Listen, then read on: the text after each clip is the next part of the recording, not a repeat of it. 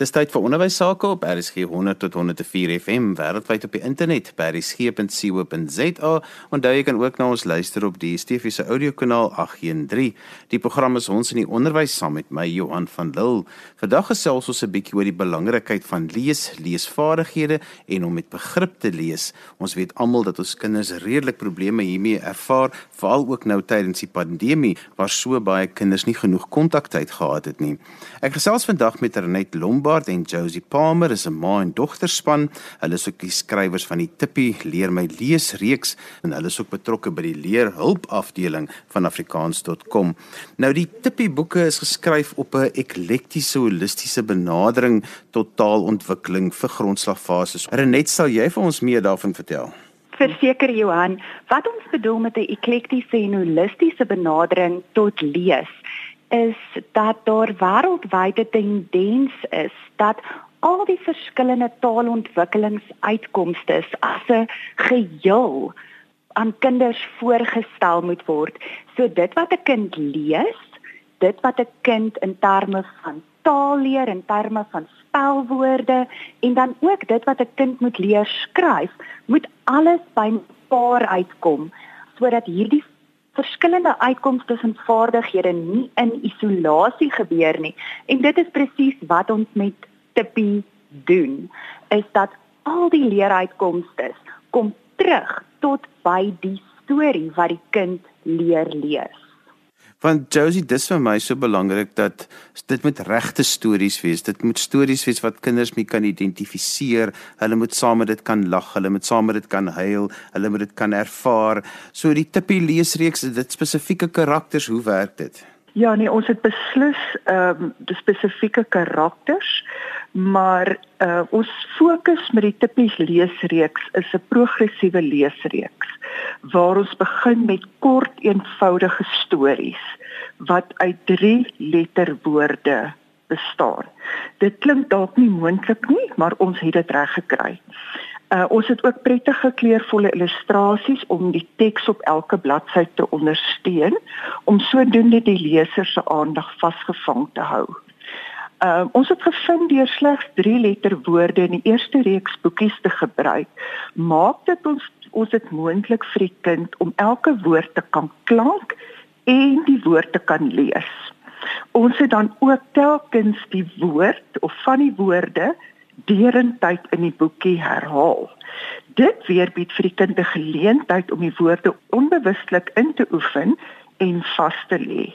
En so word leer positiewe ervaring vir die ouer en die kind.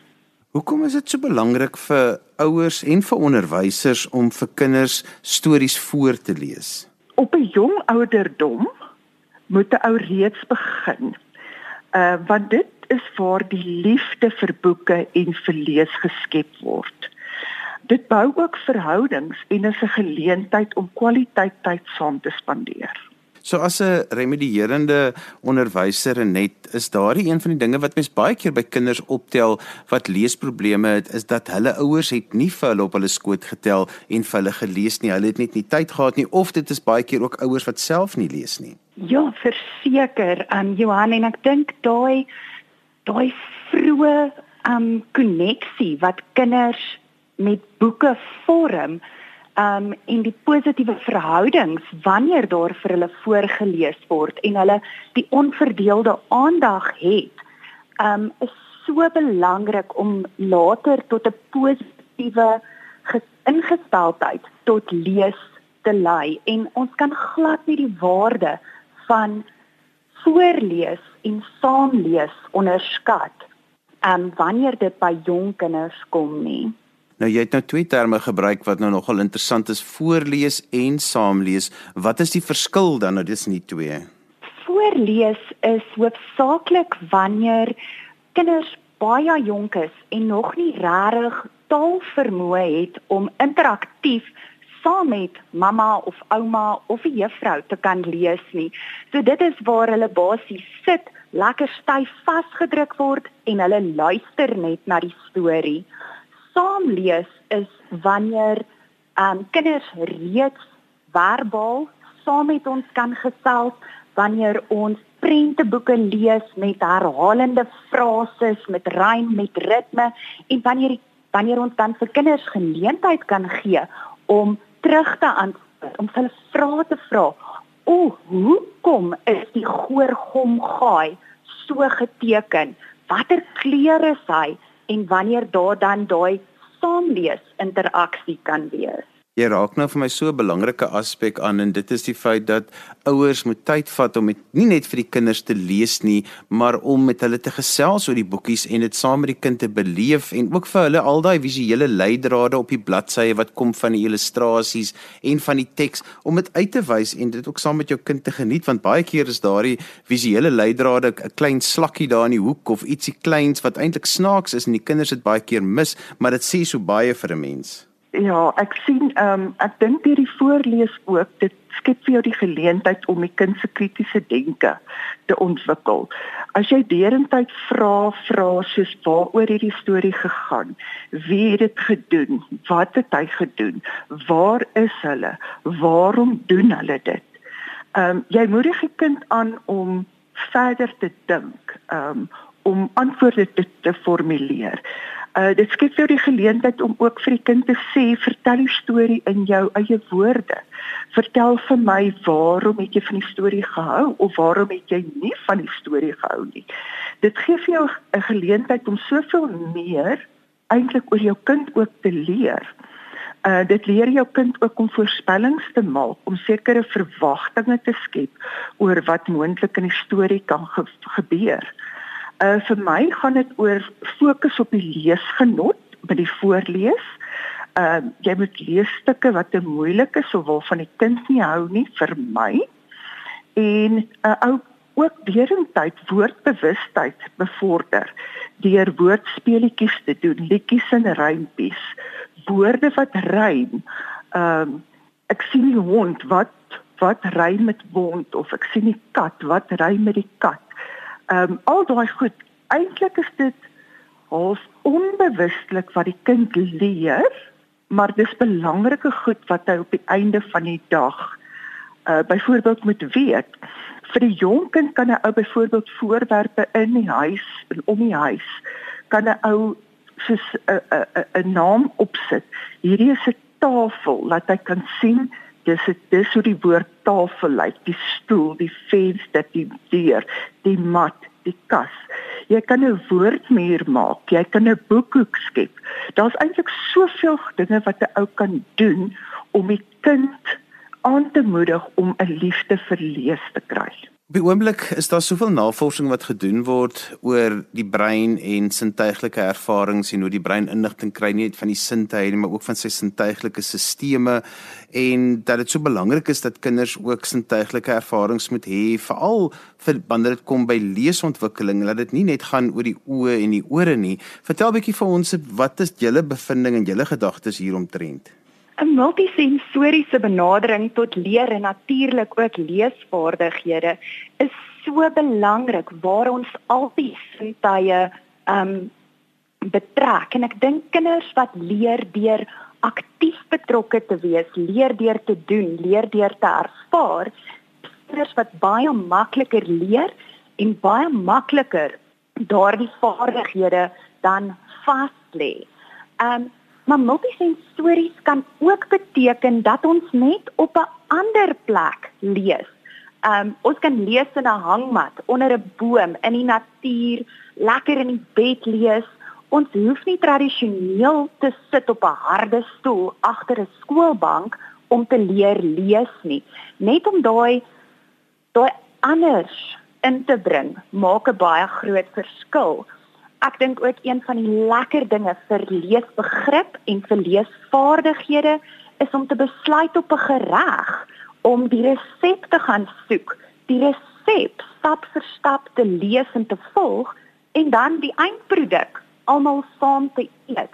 Dit is 'n dis 'n funksionele leesaktiwiteit waar soveel ekstra vaardighede aan betrokke is, maar daardie daardie vaslegging en daardie kombinasie benadering dan um baie baie lekker werk. 'n Ander een is ook om boeke en tegnologie saam te gebruik, aktiwiteite vanuit 'n leesboekie ook op 'n rekenaar te doen, bietjie op 'n ander manier te benader. Um ek het twee jong seentjies en die hoekom, waarom, um wat is so lekker aktiwiteit om hulle te sê maar kom sit hier by my. Mamma weet nie hoekom het 'n haai 100 tande nie. Kom ons Google dit en dan lees ons wat hulle sê oor haie.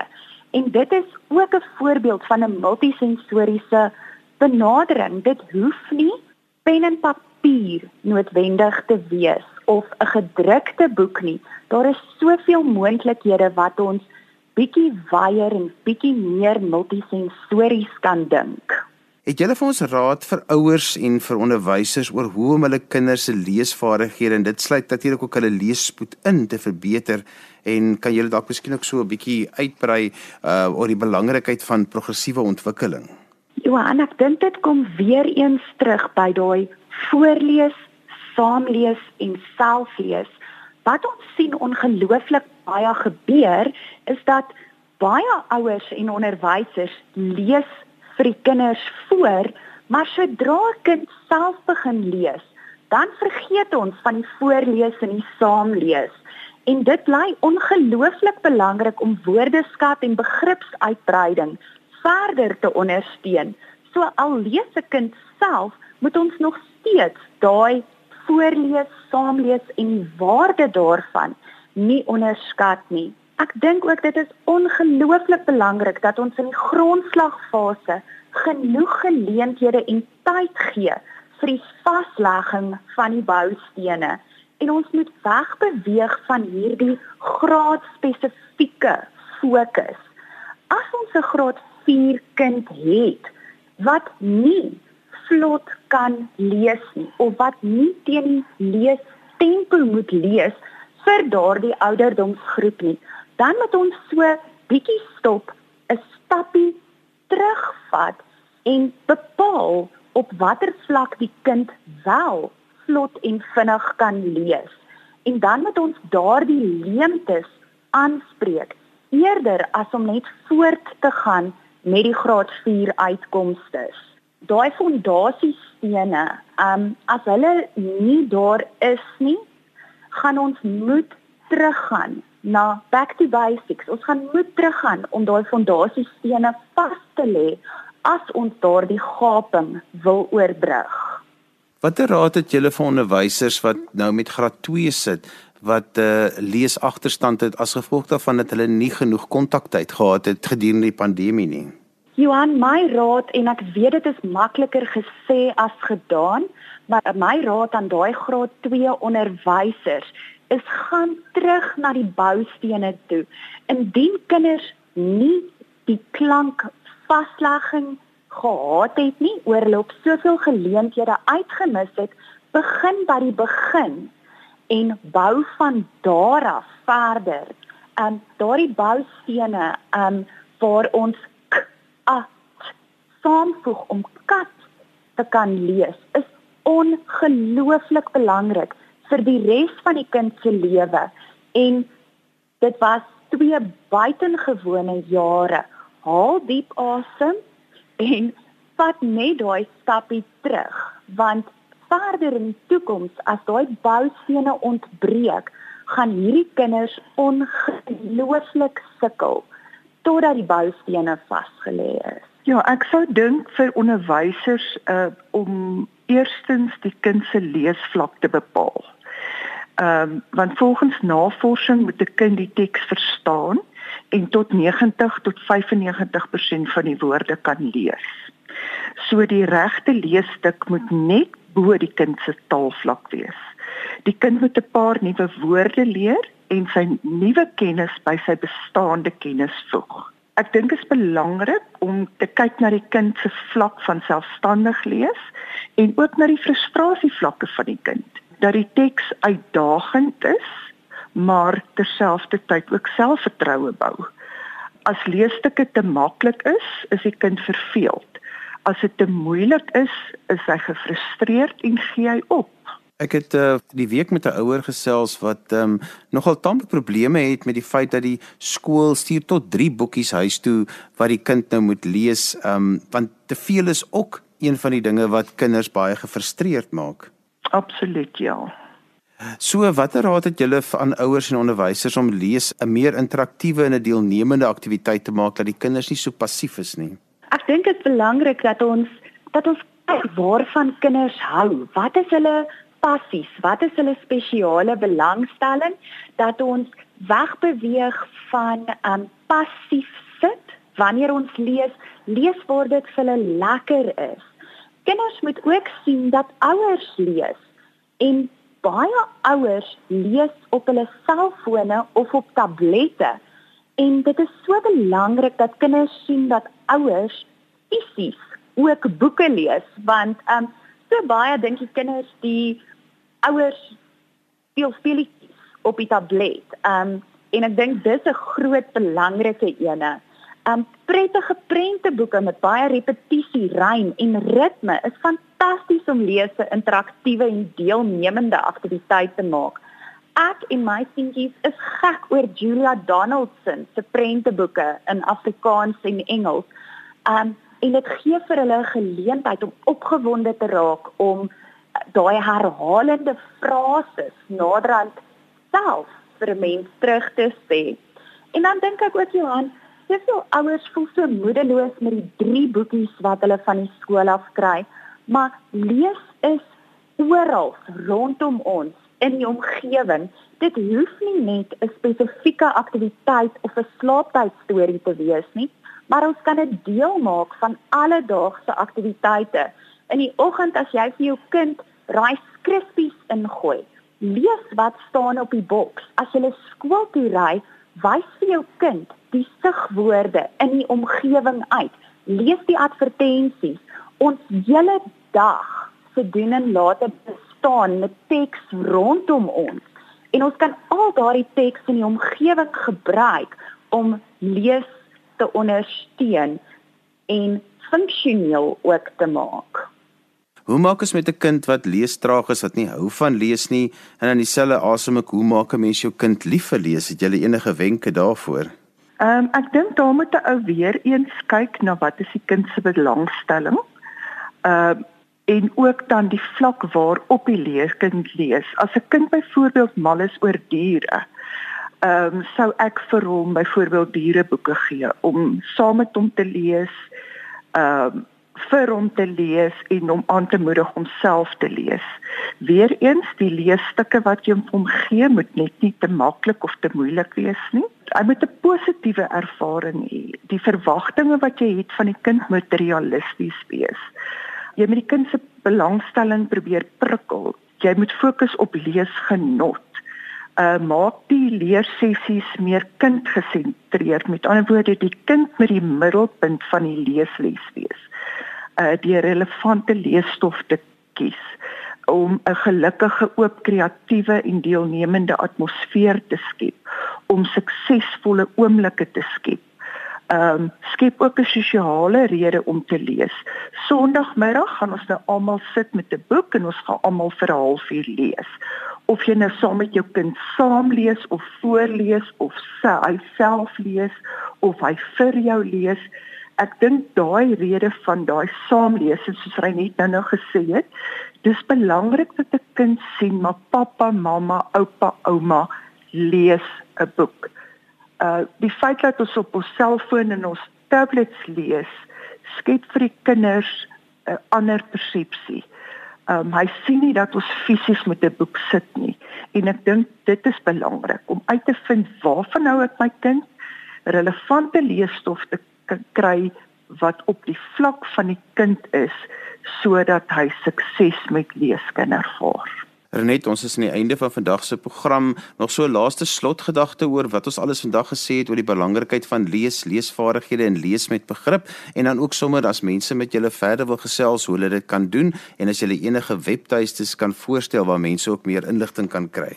Johan, ja, ek dink die drie dinge om vandag weg te vat is voorlees, saamlees en selflees. En die kombinasie van daai drie tipes lees om 'n liefde vir lees te kweek en begrip in lees en positiewe ervarings rondom lees. Tippie het 'n Facebookblad waar ons ongelooflik baie gratis hulpmiddels deel. afrikaans.com het 'n wye verskeidenheid aan hulpmiddels ook om jonger maatjies te help met 'n liefde vir lees stories en ja, al ons inligting is op Tippie se Facebookblad. Is daar 'n e-posadres wat mense vir julle kan kontak? Daar is 'n e-posadres. Dit is reinet um r e i n e t t e @ i n d koppelteken learning.com en ons gesels graag enige tyd met enige iemand wat 'n bietjie raad en hulp nodig het. En daarmee het ons gekom aan die einde van vandag se ons in die onderwys. My twee gaste was Renet Lombard en Josie Palmer, ontwikkelaars van Tippie leer my lees reeks en onthou jy kan ook op afrikaans.com meer daarvan uitvind.